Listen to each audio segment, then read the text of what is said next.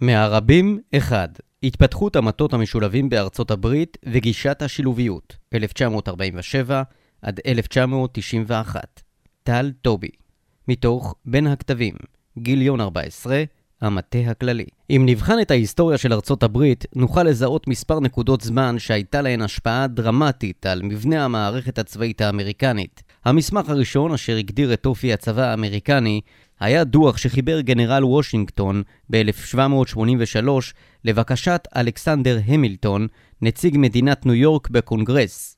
מסמך זה מציג היטב את שאיפת וושינגטון להקים צבא סדיר ומקצועי לצד הבנתו את החשש בקרב החברה האמריקנית מקיום צבא קבע גדול בזמן שלום. שלב נוסף וחשוב ביותר אשר תוקפו נמשך עד היום נובע מסעיפי החוקה המגדירים את סמכויותיהם של הרשות המבצעת, מוסד הנשיאות ושל הרשות המחוקקת, הקונגרס, את דינמיקת הפרדת הרשויות ואת מערכת האיזונים והבלמים.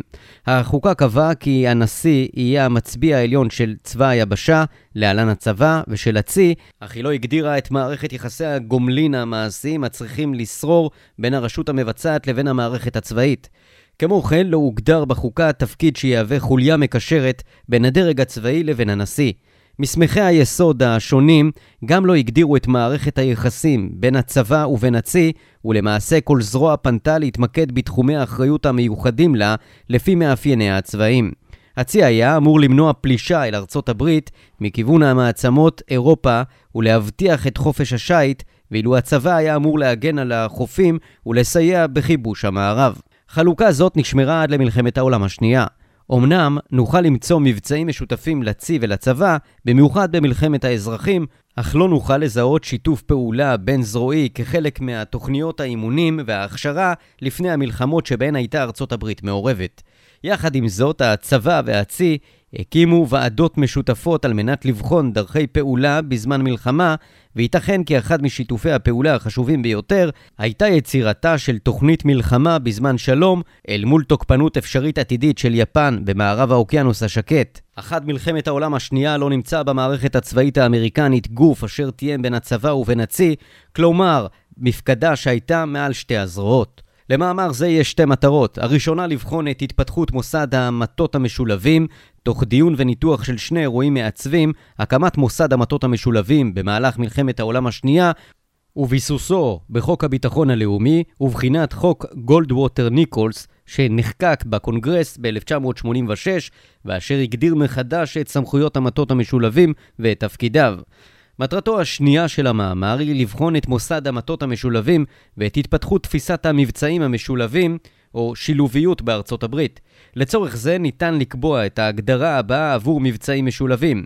פעולות או מבצעים שבהם נוטלים חלק כוחות צבאיים השייכים לשתי זרועות או יותר בזירת לחימה נתונה ומוגדרת באופן גיאוגרפי. במאמר יוצג תהליך הקמת מוסד המטות המשולבים תוך התמקדות בשנות מלחמת העולם השנייה, ברפורמה להקמת המטות המשולבים ובחוק שנחקק בשנת 1986, שארגן מחדש את הסמכויות וההיררכיה במטות המשולבים, הביא להפרדה ברורה בין בניין הכוח ובין הפעלתו, וחיזק את תפקיד מפקד הפיקוד האזורי. בחלקו האחרון של המאמר תיבחן השאלה כיצד באה לידי ביטוי הרפורמה במלחמת המפרץ 1991, ובכך ניתן יהיה להבין כיצד יושמה הלכה למעשה הרפורמה. כאמור, המאמר בוחן את התפתחות המטות המשולבים בארצות הברית ומטרתו לנתח חלק מן הגורמים שהשפיעו על הגישה האמריקנית לשילוביות. אין מאמר זה מתיימר לספק תובנות ישירות עבור המערכת הצבאית הבכירה של ישראל, אלא לתאר התפתחות ארגונית של מודל פיקוד על כוחות משולבים כהשראה לדיון בסוגיות ארגוניות בצה"ל, הן בהיבט התהליכי, כיצד עושים שינוי ומתארגנים מחדש, והן בהיבט התוכני, איך נכון להתארגן. לידת המטות המשולבים קודם לכניסתה של ארצות הברית למלחמת העולם השנייה הוקם בארצות הברית גוף מטה שהורכב מאנשי הצבא והצי. גוף זה תפקד בשיתוף פעולה עם ראשי המטות של הצבא והצי תחת הוראותיו הישירות של הנשיא בתפקידו כמפקד העליון. ראשי המטות שימשו כיועצים הצבאיים העיקריים של הנשיא והכינו עבורו המלצות בתחומי תוכניות המלחמה, העלו דרישות לוגיסטיות ועיצבו מדיניות אסטרטגית בין זרועית. המטות שימשו גוף מתאם ומוכוון של בניין הכוח ושל תוכניות מלחמה משותפות ותיאמו את חלוקת המשאבים כדוגמת חימוש ומוצרי נפט. כן פיקח גוף זה על איסוף מודיעין אסטרטגי וביצוע מבצעים חשאיים. עם כניסתה של ארצות הברית למלחמה, 7 בדצמבר 1941, נוצר צורך קריטי בגוף שמעל המטות הזרועים, אשר נבע גם מהצורך בגוף שיתאם את מאמצי המלחמה האמריקנים עם אלה של בריטניה.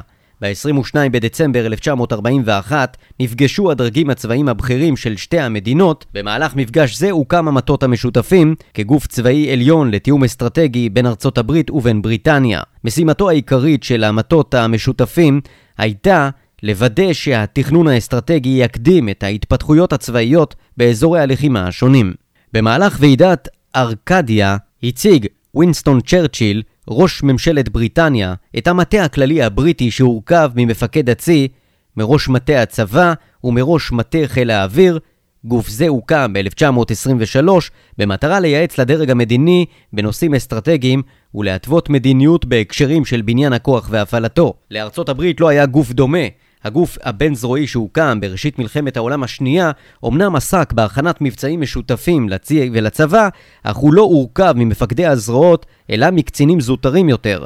בכל מקרה, המערכת הצבאית האמריקנית הבינה את היתרונות הארגוניים והמבצעיים הטמונים במטה הבריטי, ושגוף התיאום הבין-זרועי האמריקני אינו מתאים לניהול מלחמה גלובלית מול אויבים בעלי עוצמה צבאית כבירה, כפי שהייתה לגרמניה וליפן. באופן ספונטני ולא בדרך של יד מכוונת, הפכו ראשי המטות האמריקנים שהקבילו לעמיתיהם הבריטים למטות משולבים. אמנם בארצות הברית לא היה מטה נפרד לחיל האוויר, אך לוטנט ג'נרל הנרי ארנולד, מפקד צבא האוויר, שימש כמקביל לראש מטה חיל האוויר הבריטי. בנוסף לארנולד, הורכב המטה הכללי האמריקני גם מגנרל ג'ורג' מרשל, ראש מטה הצבא ומשני אדמירלים, אדמירל הרולד סטארק, שתפקידו בצי היה בניין הכוח, ואדמירל ארנסט קינג, שהיה אחראי להפעלת הצי האמריקני בלחימה. שני תפקידים אלו אוחדו במרץ 1942, ומשלב זה היה התואר של קינג מפקד מבצעי הצי. כיוון שהקצינים הבכירים הללו ייצגו קודם כל אינטרסים מבצעיים וארגוניים הקשורים לזרועות שפעלו תחת פיקודם, ומכיוון שמאפייני המלחמה באירופה היו שונים באופן מהותי מאלה של האוקיינוס השקט, התברר הצורך ביצירת מוסד שיתאם את מאמצי הזרועות עם המשימות השונות בהתאם לצורכי הזירות. זאת, תוך יצירת סדרי עדיפויות אסטרטגיים עבור לחימה בשתי חזיתות. יש לזכור כי המלחמה באירופה ובזירות המשנה שלה, צפון אפריקה, סיציליה ואיטליה, הייתה יבשתית באופייה ולפיכך הבכורה ניתנה בידי הצבא. זירת האוקיינוס השקט הייתה ימית בעיקרה, אך היא חייבה כיבוש איים שהצריך מבצעים משולבים. היבט זה הפך את זירת האוקיינוס השקט למורכבת יותר בהשוואה לזירת אירופה. למעשה זירת האוקיינוס השקט חולקה לשתי זירות משנה. זירת מרכז האוקיינוס בפיקוד אדמירל צ'סטר נימיץ וזירת דרום האוקיינוס בפיקוד גנרל דגלס מקארטור. שתי הזירות חייבו מבצעים משולבים כיוון שתוכנית המלחמה האמריקנית קבעה כי יש להתקדם מקבוצת איים אחת לבאה אחריה ובהדרגה להתקדם ליפן. זאת תוך ניתוק צירי האספקה לכוחות היפנים הפזורים ברחבי האוקיינוס. אמנם זירת מרכז האוקיינוס השקט הציגה מבצעים משולבים באופן מובהק יותר, אך את אלה נוכל למצוא גם בזירת דרום האוקיינוס השקט. כדי לכבוש את האיים השונים בשתי זירות המשנה, היה צורך קריטי בשיתוף פעולה הדוק בין הצי לבין הכוחות הנוחתים, מרינס וצבא, בהיבטים של סיוע אש מתותחי האוניות וממטוסי נושאות המטוסים ולוגיסטיקה. כך, על מנת ליצור סנכרון בין הזרועות וכדי להגדיר גורם אחד אשר ייצג את המערכת הצבאית מול הנשיא, מונה ביולי 1942 אדמירל ויליאם ליהי לראש מטה הצבא והצי. עם מינוי אדמירל לי תואמו כלל המאמצים הצבאיים בזירות המלחמה השונות והמרוחקות, ובכלל זה גם חלוקת המשאבים האנושיים והחומריים.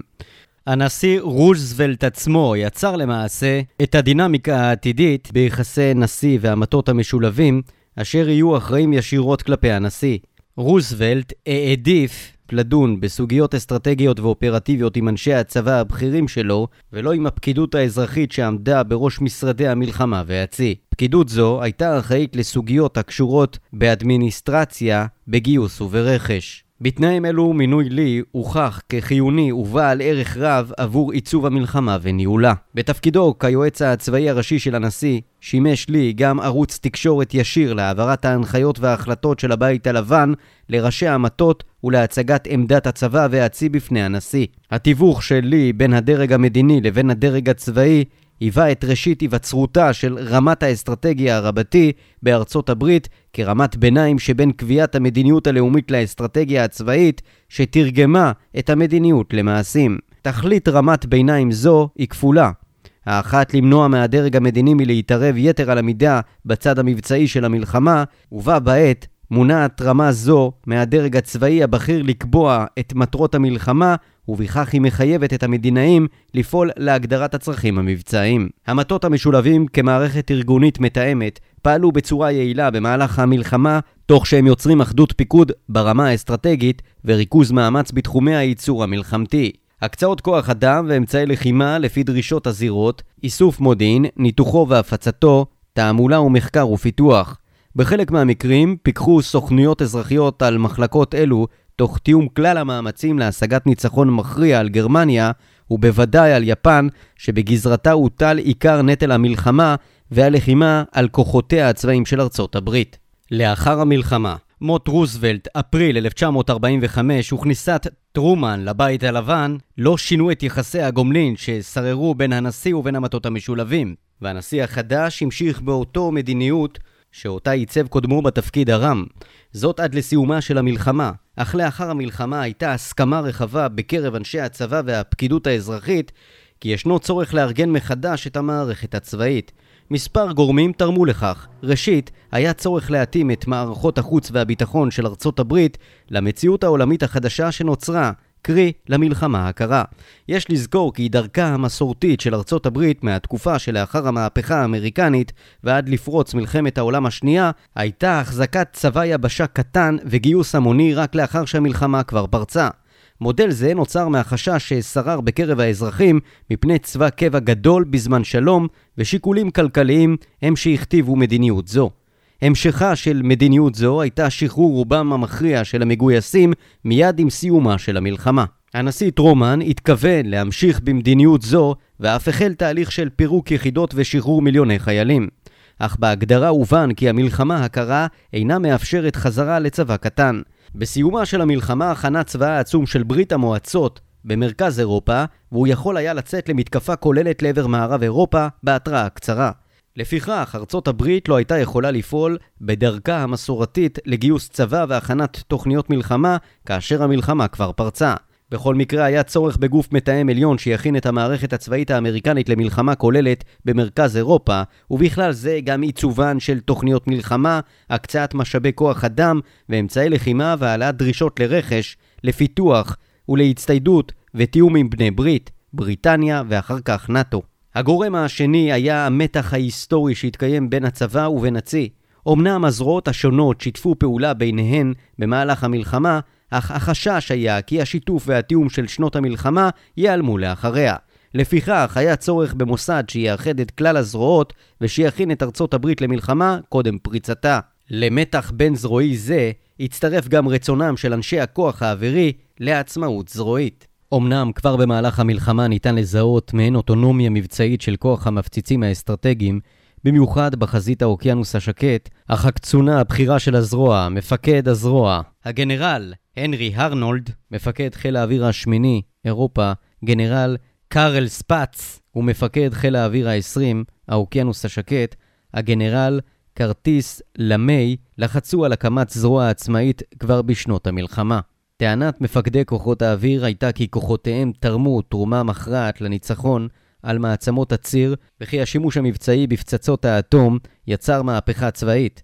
לדעת חלק מהקצונה האמריקנית, בעיקר כמובן מחיל האוויר, הביאה מהפכה זו בהכרח לעליית חשיבות הכוח האווירי האסטרטגי על פני כוחות היבשה והצי, ולמחשבה שביכולת חיל האוויר לבדו להשיג הכרעה במלחמה עתידית. לאחר מלחמת העולם השנייה, הפעלת נשק אטומי הייתה אפשרית רק באמצעות הטלתו מהמפציצים האסטרטגיים, הופעת הנשק האטומי כנשק מרתיע ומכריע הביאה לכך שחיל האוויר טען לא רק לבלעדיות בהפעלתו, אלא גם להיותו הזרוע יכולה לבדה להביא להכרעת המלחמה. מול טענה זו, החלו שאר הזרועות לבחון את הרלוונטיות שלהן ביחס לתפיסת המלחמה החדשה ולשדה הקרב הגרעיני. כך הגבירו הנשק החדש יחד עם הפיכת חיל האוויר לזרוע עצמאית את המתח הבין-זרועי והעצימו את הבדלנות הזרועית. כבר במהלך 1944 הועלתה הצעה דרמטית לאיחוד כל הזרועות תחת מפקד אחד שמעליו יופקד גוף מפקח אזרחי. רעיון זה אומץ בידי הנשיא טרומן, אך הוא נכשל בעיקר עקב התנגדות נחרצת של הזרועות עצמן, אשר הפעילו שדולות חזקות בקונגרס נגד יוזמת הממשל.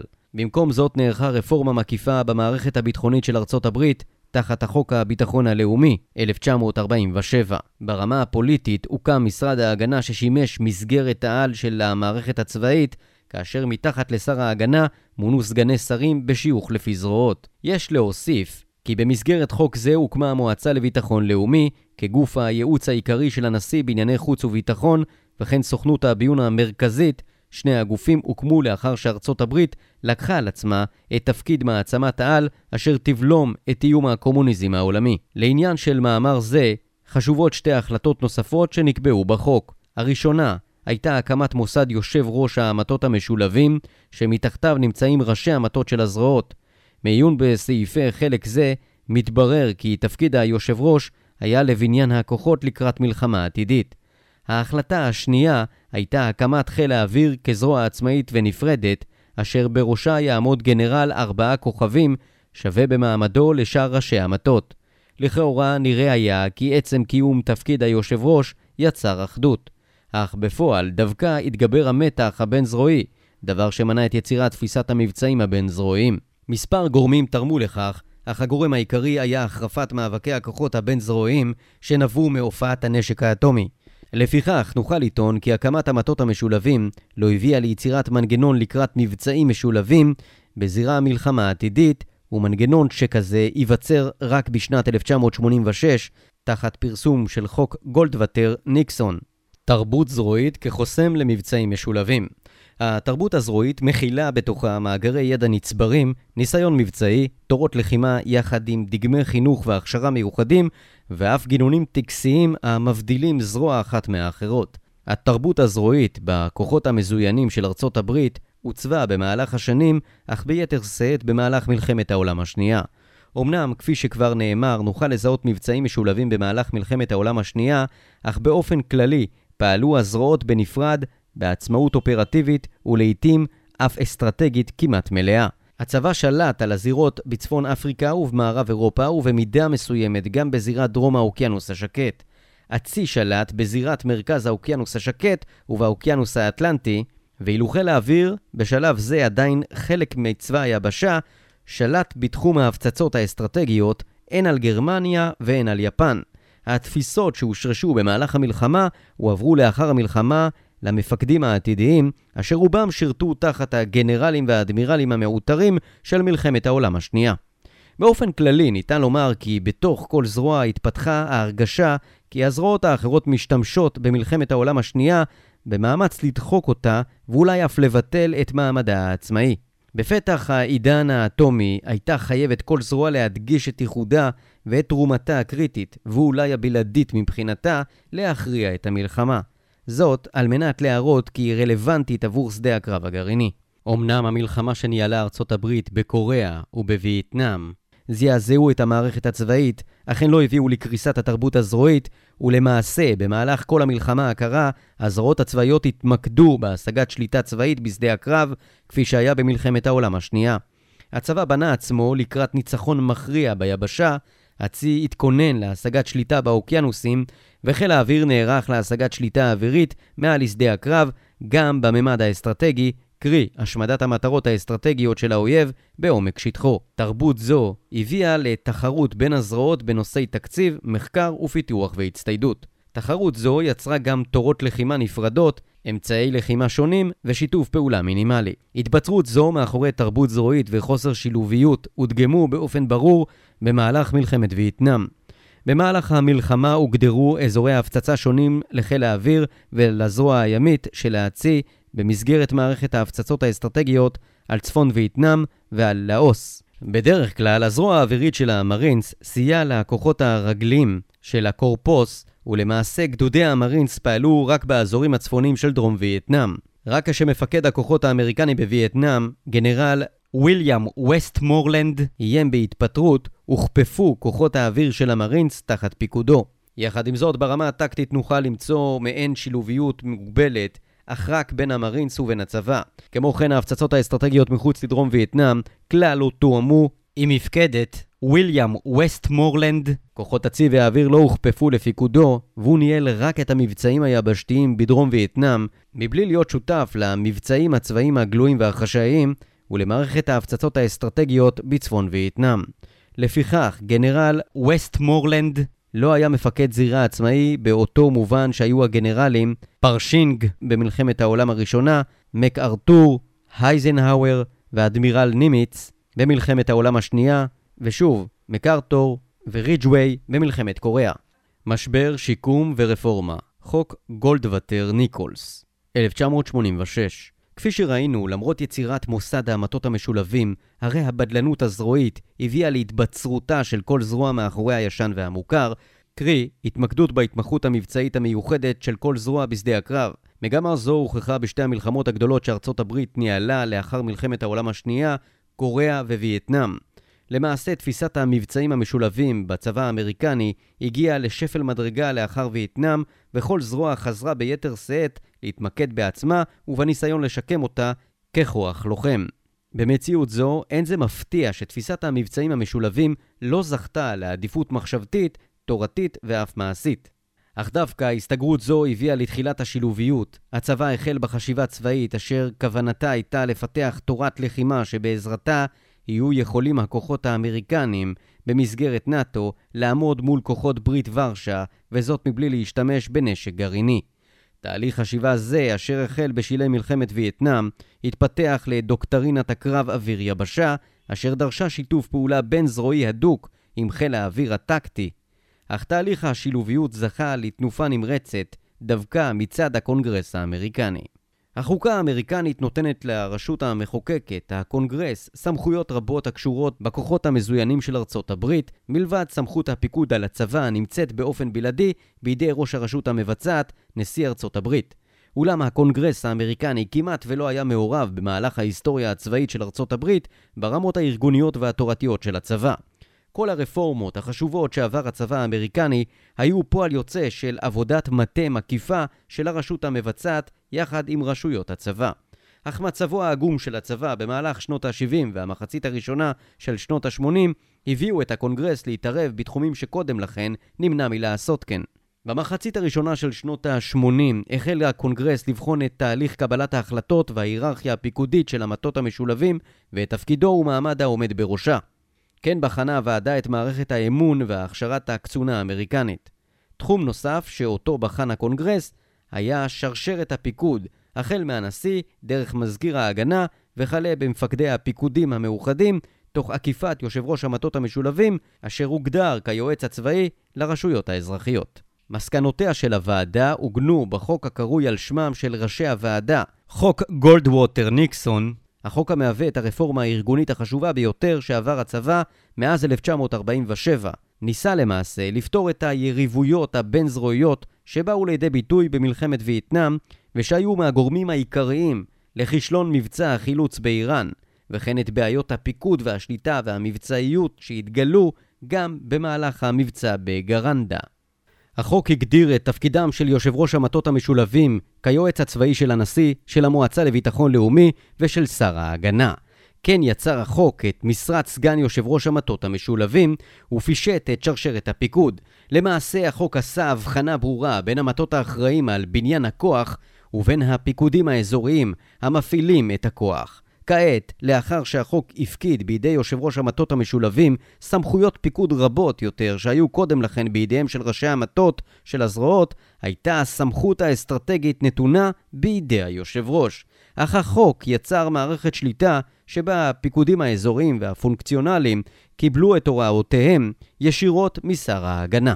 כמו כן הוכפפו תחת פיקודו הישיר של יושב ראש המטות המשולבים האגפים השונים של המטה הכללי, המהווים את מערך בירוקרטי מסייע, כוח אדם, מודיעין, מבצעים, לוגיסטיקה, תכנון אסטרטגי, תכנון מבצעים וכוחות משולבים, מבנה הכוח ומשאבים.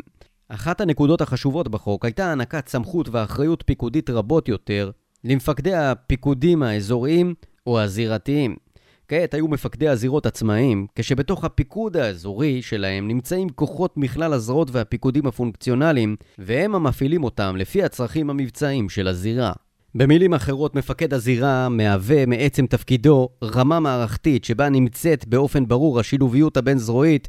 מפקד הזירה האחראי על כוחותיו, הוא אינו תלוי במאבקי כוחות או יוקרה של המטות, והוא יכול להתמנות מכל אחת מהזרועות, ואין עדיפות לזרוע זו או אחרת. ניתן לומר כי הזרוע היא האחראית לבניין הכוח, ובחוק נאמר במפורש כי למטות המשולבים אין כל תפקיד ביצועי, הם לא נמצאים בשרשרת הפיקוד והם לא יתפקדו כמטה כללי במובנו הקלאסי. הפיקוד הזירתי הוא האחראי להפעלת הכוח, אך גם לאימון הכוחות בתנאים המיוחדים לזירה זו או אחרת. זאת, כיוון שהכוחות מתחלפים והם יכולים למצוא עצמם נלחמים בעיראק ולאחר תקופה מסוימת לשמש כוחות שמירת שלום בבלקן או לבצע פעילות ביטחון שוטף בגבול בין דרום קוריאה לבין צפונה. יחד עם זאת, החוק הביא לכך כי כמעט בן לילה הפך תפקיד מפקד הפיקוד האסטרטגי להיות יוקרתי וחשוב להתקדמות העתידית של הקצין. כמו כן, כל האקדמיות לפיקוד ומטה של הצבא האמריקני החלו ללמד בתוכנית הלימודים שלהם פרקים במבצעים משולבים. אחד ההיבטים החשובים בהקשר התרבות הזרועית הייתה שליחת קצינים ללימודים במכללות השונות של הזרועות האחרות, במטרה להביא את אופייה ואת מהותה של כל זרוע. מבחנה האמיתי של השילוביות, כפי שנבע מחוק חוק גולדווטר ניקסון, היה במהלך המערכה בעיראק ב-1991. שילוביות במבצע סופה במדבר 1991. את תפיסת המבצעים המשולבים במלחמה זו יש לנתח תוך חלוקתה לשתי תקופות. הראשונה, החודשים שלפני פתיחת המערכה, והשנייה, השבועות של המערכה הצבאית עצמה. באופן כללי, ניתוח כפול כזה מעיד כי במערכה במפרץ יושמה עליונותו המבצעית של מפקד הזירה, כפי שנקבע בחוק, אך מן ההיבט הצבאי, הן ברמת התכנון והן ברמת הביצוע, המלחמה עצמה, קשה לזהות את השילוביות. לפי מסגרת שנקבעה בחוק גולדווטר ניקולס, יכול היה הגנרל נורמן שוורצקוף, מפקד פיקוד המרכז, להפעיל ביתר יעילות מתווה של מערכה משולבת, כשהוא זה המתכנן את תוכנית המלחמה, לאחר אישור הדרג האזרחי והמוציאה אל הפועל. לגנרל שוורצקופ היו את כל הסמכויות האופרטיביות בזירה הנתונה, ואליו הוכפפו כלל הכוחות האמריקנים. כמפקד זירה, שוורצקופ פיקד על כלל כוחות הקואליציה. שוורצקופ הפעיל את כל הכוחות מבלי לשאת ולתת עם מפקדי הזרועות על כוחות ועל אמצעי לחימה ועל תוכנית המלחמה אשר עובדה בפיקוד המרכז. ביטוי נוסף לשילוביות ברמה האסטרטגית מערכתית הייתה בכך שגנרל קולין פאוול, יושב ראש המטות המשולבים, כלל לא התייעץ עם מפקדי הזרועות ואלו אף היו זקוקים לאישור שוורצקופ על מנת לבוא ולבקר את אנשיהם בחזית, ולא נעשה כל ניסיון מצד ראשי המטות לעקוף את סמכות שוורצקופ. כן ניתן היה למצוא שילוביות מובהקת וברורה בכלל המאמצים של פיקוד התובלה. בחודשים שקדמו לפתיחת המערכה הצבאית, אחריות פיקוד התובלה הייתה להעביר את כלל הכוחות האמריקנים, במיוחד את יחידות קורפס 7 מאירופה, אל ערב הסעודית. תחת פיקוד זה נמצאות יחידות תובלה של חיל האוויר, הצי והצבא, והוא היה אחראי לספק יכולות תדלוק אוויריות לכלל הזרועות. הפיקוד שילב את כלל יחידות התובלה של חיל האוויר, הצי והצבא, והיה הציר המרכזי לפריסת הכוחות האמריקניים במפרץ, והעברת הלוגיסטיקה הרלוונטית לבסיסי פריסה, שמהם משכה כל זרוע את הלוגיסטיקה, לה היו זקוקות היחידות. מערכת לוגיסטית זו פעלה גם במהלכי המלחמה עצמה. לפיכך, בהתאם לדינמיקה בירוקרטית זו, נראה כי ההנחיות של החוק יושמו באופן מלא. אך בתכנון המלחמה ובלחימה עצמה כמעט ולא נמצא שילוביות בין הכוחות הלוחמים, בעיקר בין הכוחות המתמרנים, לבין כוחות האוויר.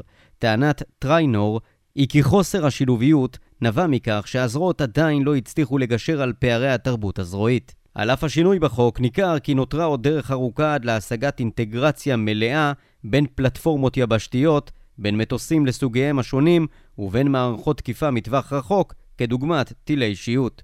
יחד עם זאת, ההצלחה הבולטת ביותר של השילוביות הבין-זרועית הייתה בהכוונת המתקפות האוויריות. מפקדה אחת שלטה על כלל המטוסים מכלל הזרועות, כשאלה טסו מעל כווית או עיראק. אך גם כאן יש לציין כי השילוביות לא הייתה מלאה. אלפי הגיחות היומיות יצרו בעיות פיקוד ושליטה קשות, ולבסוף הוחלט כי מפקדת הכוחות האווירית של סנטקום לא תהיה אחראית על מסוקים הטסים בגובה הנמוך מ-150 מטר ולא על מטוסי הצי הטסים מעל הים ונמצאים בתחום השליטה של נוסעות המטוסים. יתר על כן, גם בתהליך התכנון של המתקפה האווירית לא ניתן למצוא שילוביות. מפקדת האוויר המשולבת שתחת אחריותה נמצא תכנון המערכה האווירית, הייתה באחריות חיל האוויר. המפקדה האמינה בשליטה ריכוזית של הכוח האווירי ותקיפת מטרות בהתאם לתורת הלחימה של חיל האוויר. קרי, יצירת רשימת מטרות לתקיפה לפי סדרי עדיפויות מבצעיים. חיל האוויר העיראקי, מערכי הנ"מ ומטרות אסטרטגיות שונות הקשורות במערכי הפיקוד והשליטה של הצבא העיראקי, אשר ישיגו לכוח האווירי האמריקני עליונות אווירית מעל שדה הקרב. גישה זו לא עלתה בקנה אחד עם תורת ההפעלה של הזרועות האחרות. כמו כן, לא זכה הצבא לסיוע אווירי קרוב מחיל האוויר, ואילו כוחות המרינס בעלי כוח אווירי משלהם לא הפנו את מטוסיהם לטובת הצבא. אין ספק כי כל הזרועות שאפו להשיג הכרעה בשדה הקרב ולעמוד במשימות שהוגדרו להן, אך כל זרוע הסתכלה על המערכה לפי משקפי תורת הלחימה שלה. חילוקי דעות התגלעו גם בין הצי ובין המרינס. הצי כלל לא היה מעוניין בסיוע למבצעים אמפיביים, שהם למעשה התכלית הקיומית של המרינס, אלא הצי ראה עצמו כזרוע מתחרה לחיל האוויר בכל הקשור למתקפות האוויריות. דוגמה נוספת היא תכנון המבצע היבשתי במלחמה. את התכנון ביצע צבא היבשה, כאשר בשלב מסוים שותף הצבא הבריטי בתכנון, ואילו המרינס כלל לא היו שותפים לתכנון. גם כאן ניתן למצוא את ההבדלים התרבותיים בין הזרועות מעצם העובדה כי הצבא התאמן במשך שנים למלחמה בזירה האירופאית, והיה לו יותר במשותף עם בעלי הברית בנאטו מאשר עם המרינס. הדוגמאות עוד רבות, והמסקנה הכללית הנגזרת מכולן היא כי כלל לא הייתה שילוביות בין-זרועית. למרות הניצחון המכריע של ארצות הברית במלחמה נגד עיראק, הרי הצבא האמריקני לא נח על זרי הדפנה והחל לחקור לעומק את מהלכי המלחמה. בין השאר נבחנו תפקידי מפקד הפיקוד האזורי ויחסיו עם המטות המשולבים, וכן נושא המבצעים המשולבים. המסקנה העיקרית של הפיקוד הצבאי הבכיר ושל הדרג האזרחי הייתה כי הבאת כל הזרועות להילחם תוך שיתוף פעולה ביניהם חייבת לכלול שינוי תרבותי יותר מאשר שינוי תורתי, אך הדבר לא פשוט. בפנטגון ובאקדמיות הצבאיות נשמעים קולות הטוענים כי השילוביות תושג על ידי חינוך הלוחמים בכל רמות הפיקוד ולא על ידי עיצוב דוקטרינה. רק לאחר שינויים תרבותיים ניתן יהיה לפתח דוקטרינה ולהטמיע אותה בקרב הזרועות. אחת הסיבות העיקריות לכך היא העובדה כי השילוביות מכילה בתוכה תכנים רבים, כגון דוקטרינה, טכנולוגיה, אימון כוח אדם, אמצעי לחימה ועוד. כך שכל אחד יכול למצוא את התחום הקרוב אליו. הן מהבחינה התאורטית והן מהבחינה המעשית. כמו כן יש לעשות הבחנה בין שילוביות בין-זרועית ברמה המערכתית ובין שילוביות ברמה הטקטית. כך או כך, באם נקבע כי חוק גולדווטר ניקולס כרפורמה כללית במטות המשולבים הביא להתחזקות הפיקוד האזורי, הרי מגמות אלו נמשכו גם לאחר מלחמת המפרץ, ונוכל לזהות אותן במעורבויות הצבאיות השונות מאז 1991. סיכום מאמר זה בחן את התפתחות מוסד המטות המשולבים בארצות הברית משנת 1947 עד 1991 וכיצד מתוך מוסד זה גובשה לאיתה תפיסת המבצעים המשולבים בארצות הברית. חשוב לזכור כי המבצעים המשולבים הם אמצעי ולא מטרה, וכי הרפורמות הגדולות במטות המשולבים נועדו בין היתר להגביר את היעילות הקרבית של הזרועות בזירת מלחמה גיאוגרפית נתונה. שתי הרפורמות שנידונו במאמר זה נבעו מאירועים היסטוריים כבירים שעברו על ארצות הברית. הרפורמה הראשונה נועדה להכין את הכוחות הצבאיים האמריקנים לקראת התפקיד שארצות הברית לקחה על עצמה לאחר מלחמת העולם השנייה, ואילו הרפורמה השנייה נבעה מאותו משבר שעברה המערכת הצבאית בעקבות מלחמת וייטנאם והמבצעים שנערכו בעשור שלאחריה. אמנם תפיסת המבצעים המשולבים לא הוגדרה במפורש ברפורמות, אך אחד מהביטויים שנגזרו מרפורמות אלו היה הכנת המערכת הצבאית בכל הרמות לפעול במשולב. למרות כוונה זו, הרי שהמערכת הצבאית האמריקנית עדיין לא הייתה מוכנה לכך, לאחר מלחמת העולם השנייה עם עלייתו לבכורה של הנשק האטומי והקמת חיל האוויר כזרוע עצמאית, ובמיוחד פיקוד המפציצים האסטרטגי, התבצרה כל זרוע מאחורי התרבות הזרועית שלה והדגישה את הייחוד המבצעי שלה. נוכל לטעון כי תרבות זרועית זו הייתה גורם מרכזי לכך שאין מזהים מבצעים משולבים במלחמות בקוריאה ובווייטנאם.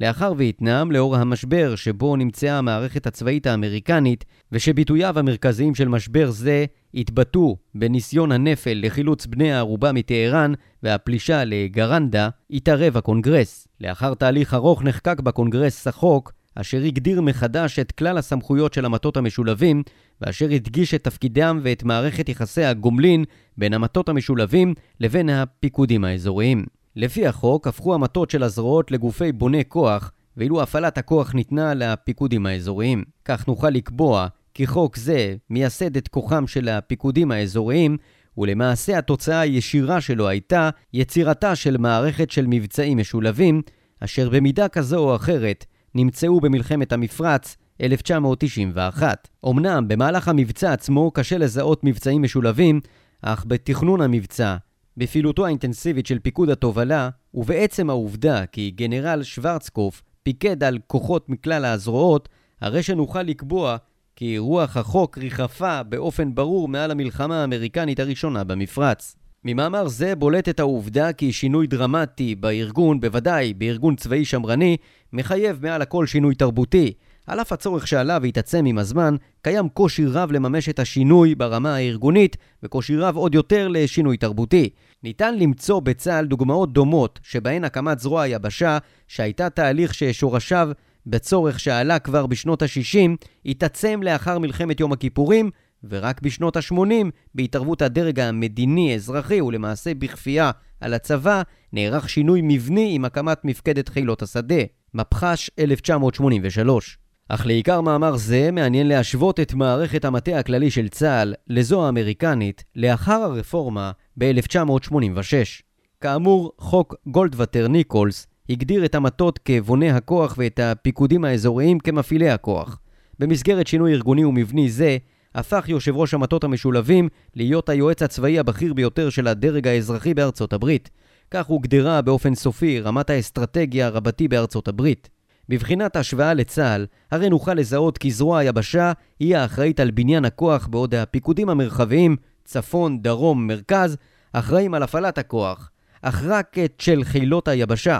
זרועות האוויר והים משלבות בתוכן, הן את בניין הכוח והן את הפעלתו. אמנם אגף המבצעים מגדיר את המשימות, אך בזמן מלחמה לשתי זרועות אלו יש משימות אסטרטגיות, אשר הן אחראיות עליהן באופן בלעדי במסגרת הכוללת של המלחמה. כיוון שליחידות המתמרנות בצה"ל אין אווירה טקטית משלהן, כפי שיש לכוחות הארמי והמרינס, מסוקי קרב, שר ותובלה, ואף מטוסי קרב לסיוע אווירי קרוב אצל המרינס, הרי כמעט כל פעולת תמרון מחייבת שילוב בין זרועי. בעיה זו מתחדדת כאשר בוחנים את הצורך הקריטי בשילוב בין זרועי במסגרת פעולותיה של מפקדת העומק. למפקדה זו אין כוחות אורגניים משלה וכל תכנון מבצע, בוודאי בזמן מלחמה, יחייב את שאר הזרועות להקצות כוחות למפקדה זו. לפיכך הרמטכ"ל ימשיך לפקד על כוחות היבשה יחד עם ההנחיה לזרוע האוויר להקצות משאבים קרביים עבור הכוחות המתמרנים כאשר מנגנון פיקודי מבצעי זה מגביר את העומס על הרמטכ"ל. בזמן כהונת רב-אלוף דני חלוץ נעשה ניסיון להפוך את ראש המטה הכללי לדרג אסטרטגי רבתי ולהפוך את סגן הרמטכ"ל למפעיל הכוח ברמה האסטרטגית יחד עם פיקוד של כוחות היבשה. ייתכן כי שינוי ארגוני זה היה מגביר את השילוביות בצה"ל, אך הוא התבטא לאור התפטרות חלוץ וכחלק מתהליך הפקת הלקחים לאחר מלחמת לבנון השנייה. אין כל ספק כי ככל ששינויים ארגוניים ומבניים מסוג זה, שיש להם השפעה על ניהול מבצעים, מתקרבים ונראים יותר ויותר מוחשיים, כך מתגברת ההתנגדות והנטייה להסתגרות. הנטייה הטבעית להגן על הקיים ברורה, שכן בשינויים מסוג זה, יש סכנה לאובדן נכסים ותקציבים קיימים. נוכל להגדיר שלוש משימות קרביות עיקריות עבור הכוח האווירי. סיוע אווירי קרוב לכוחות המתמרנים, טקטי, אמנה אווירית, מערכתי והפצצות אסטרטגיות.